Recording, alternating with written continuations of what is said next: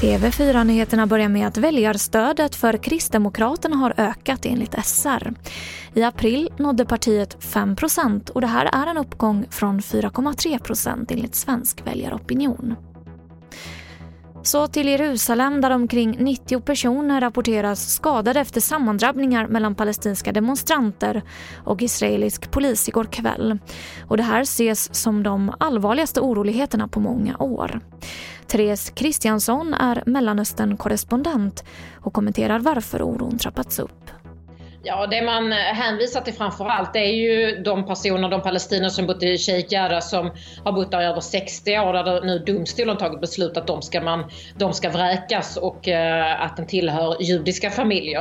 Eh, det är liksom kärnan i diskussionen här som, som har gjort att eh, demonstrationerna har blossat upp. Men det har varit spänt i flera veckor. Men nu då i, här i helgen eller inför helgen så har det helt enkelt eskalerat och blivit oerhört våldsamt.